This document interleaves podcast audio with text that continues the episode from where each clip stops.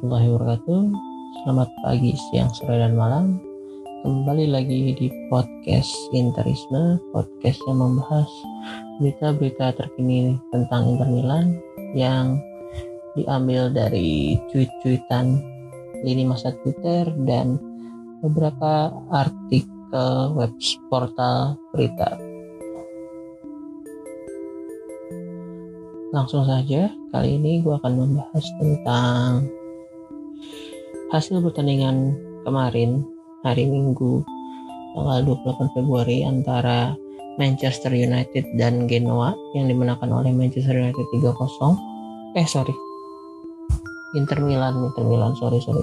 Manchester United. Maksud gua pertandingan Inter Milan versus Genoa yang berakhir dengan skor 3-0 tapi yang mencetak gol ketiga-tiganya mantan pemain MU semua.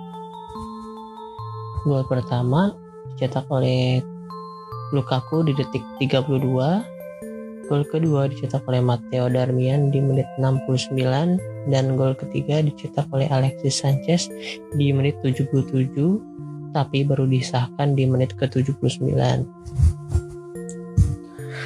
Nah, di pertandingan ini overall Inter main cukup rapi ya uh, shoot on goal ke gawang Genoa cukup banyak. Banyak banget malah. Di sini sih 24 shoot dengan 12 on target sedangkan Genoa cuma 3 shoot dan 2 on target.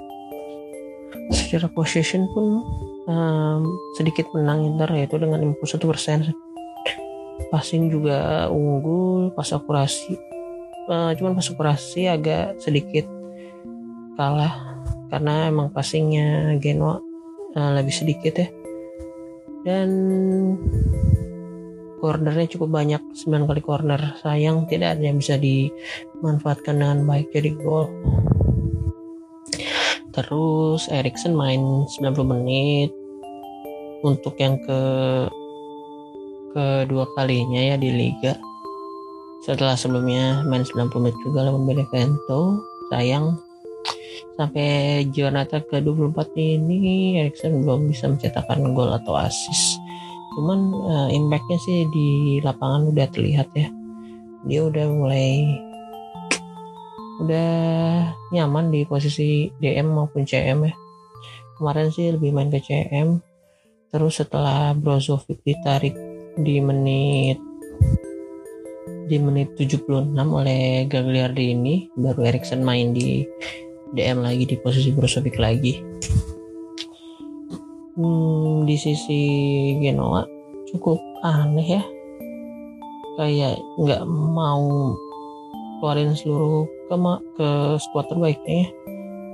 Kayak di di bench ada Chris Domenico Crisito yang nggak main terus Goran Pandev yang baru main di babak kedua Matia Deso yang nggak main juga. Zapa Costa juga nggak main kira akan main. Zapa Costa dan Milan Badel gue kurang tahu mungkin ya emang kondisi mereka kurang fit aja. Atau emang nyiapin buat derby Genoa ya Genoa versus Sampdoria akhir pekan ini. Eh sorry tengah pekan ya. Hari ini main ya, pekan ini mainnya hari Rabu Kamis Jumat kalau nggak salah. Untuk man of the match sudah pasti aku sih menurut gua satu gol satu assist dan gol ketiga yang cetak Alexis Sanchez pun uh, ada andil Lukaku juga. Uh, dan gue senang banget. Alexis Sanchez akhirnya ngegolin lagi. Setelah beberapa pertandingan gak pernah ngegolin. Kalau nggak salah dia ngegolin terakhir tuh di di Giornata ke-9 tahun lalu lawan Sassuolo uh, asis dari Lautaro kayaknya. Cuman sekarang berarti statistiknya Alexis Sanchez sudah 3 gol 5 asis. Not bad lah untuk seorang striker pelapis. Kemarin harusnya bisa dua gol ya.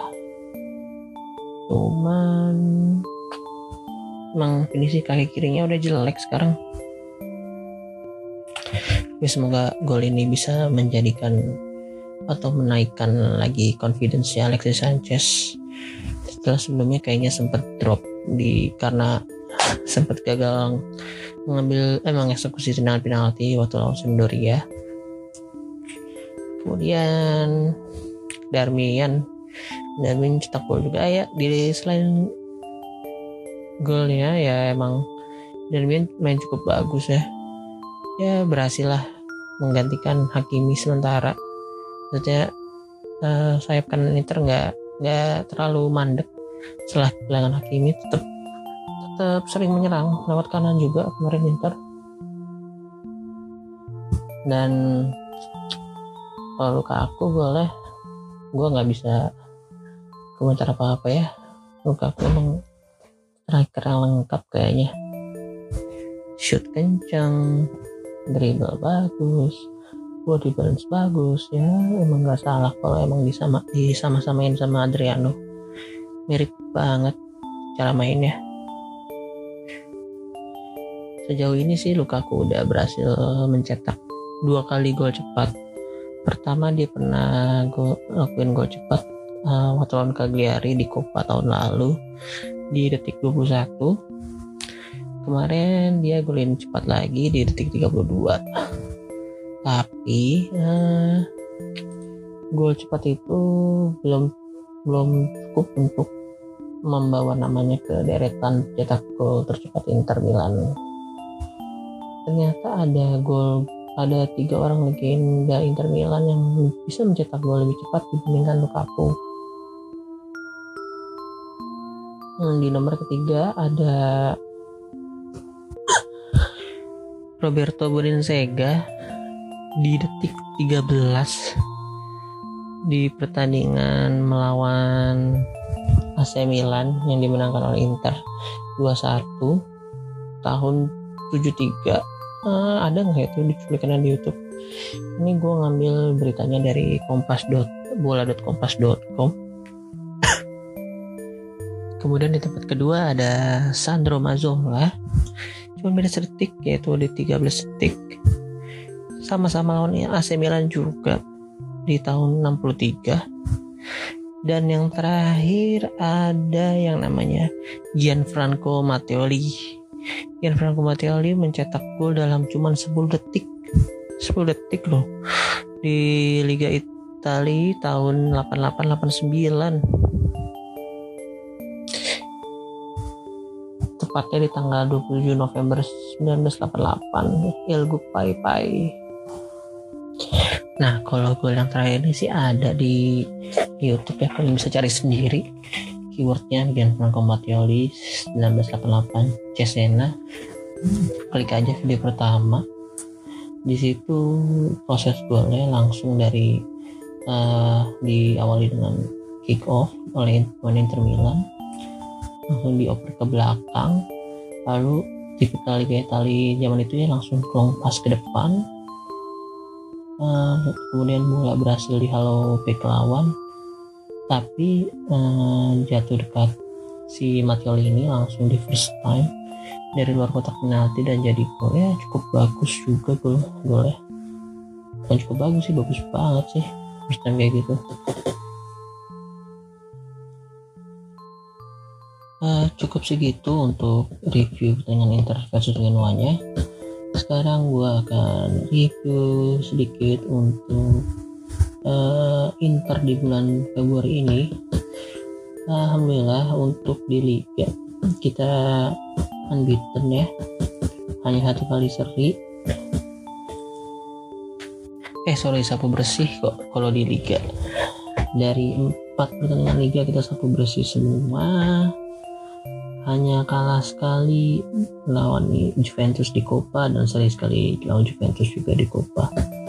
Nah, biasanya Januari dan Februari adalah momok-momok yang menakutkan bagi Inter setelah window transfer musim dingin ya biasanya performa Inter agak sedikit menurun bahkan langsung drastis biasanya cuman nah, alhamdulillah untuk musim ini bisa dikatakan justru membaik ya di di setelah pasca transfer Windows Januari walaupun nggak beli siapa-siapa.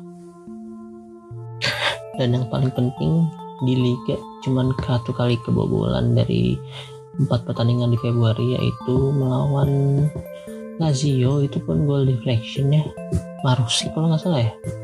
Eh bukan bukan kalau di transfer market sih Milenkovic Savic ya. Cuman sebenarnya deflection entah Marusik atau Patrick dan Andanovic udah mati langkah nggak bisa ngambil bolanya.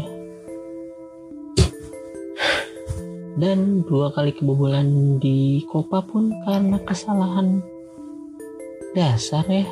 Kesalahan Handanovic gol pertama. Eh gol pertama itu penalti yang debatable juga karena bolanya bola crossing Beladersi nggak mengarah banget itu ke Cuadrado kalau nggak diseng eh, nggak dijatuhin pun nggak akan jadi gol. Itu nggak keambil bolanya.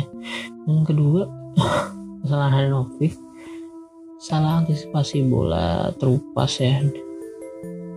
Eh sorry sorry. Bola back pass dari eh dari Rich yang kurang komunikasi yang baik antara Handanovic dan Bastoni waktu itu. Sehingga bola bisa diambil oleh Ronaldo dan tinggal masukin ke gawang yang gak ada penjagaan. Untuk rating di Februari kalau dari gua gua kasih 9 9 karena kita biasa aku bersih di liga dan kalah di Copa. Nggak membawa Inter terpuruk terlalu lama ya langsung bangkit. Habis kalah lawan Juve langsung menang lawan Fiorentina. Nah, itu mentalitas yang itu yang nggak di Inter di beberapa tahun terakhir ya. Kalau udah kalah sekali langsung drop penampilannya. Langsung susah cari kemenangan di pertandingan-pertandingan selanjutnya. Oke gitu aja untuk yang uh, review Februari. Kemudian gua akan menyebutkan beberapa pertandingan Inter ke depannya di bulan Maret. Di bulan Maret Inter akan bertanding empat kali ya melawan Parma besok hari Jumat di Indonesia uh, subuh kemudian lawan Atalanta oh lawan, sorry lawan Parma away Atalanta home Torino away Sassuolo home nah menurut gue Maret ini cukup tricky ya cuman gue harap sih bisa dapat sapu bersih lagi. Cuman kalau realistisnya mungkin agak tersendat di Atalanta atau Sassuolo salah satunya yang bisa jadi.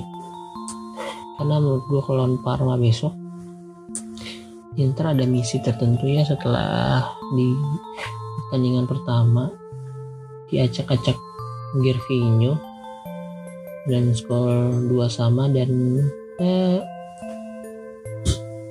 ada keputusan wasit juga yang nggak mau melihat parah ketika Perisic dihadang oleh back Parma di detik-detik terakhir waktu itu. Nah cukup kurang memuaskan ya dengan Inter pertama lawan Parma season ini. Kemudian lawan Atalanta. Atalanta juga performnya masih stabil ya. Antara menang dan uh, semi hmm, di Februari kemarin Atalanta cuman ya oh ternyata cuman kalah sekali ya. Itu juga dari Real Madrid. 1-0 doang lagi. Dan seri sekali lawan Torino sisanya menang. Bahkan bisa masuk ke final setelah ngalahin Napoli di Coppa Italia. Tren Atalanta lagi bagus juga. Ya mungkin ya, akan jadi ganjaran Inter. Mungkin hasilnya akan seri lagi atau ya semoga seri aja nggak nggak menang mereka dari Inter. Ya kalau gue sih maunya menang. Inter menang. Oh oh iya lawan Torino juga cukup tricky ya karena Torino saat ini di posisi 17 pasti akan ngot, cukup ngotot untuk lolos dari zona degradasi musim ini dan di bulan Februari kemarin juga mereka eh, nggak uh, terkalahkan ya dari tiga pertandingan. Bisa sekali menang dan dua kali seri. Nah serinya pun lawan Atalanta. Jadi trennya juga lagi bagus ya berarti si Torino ini.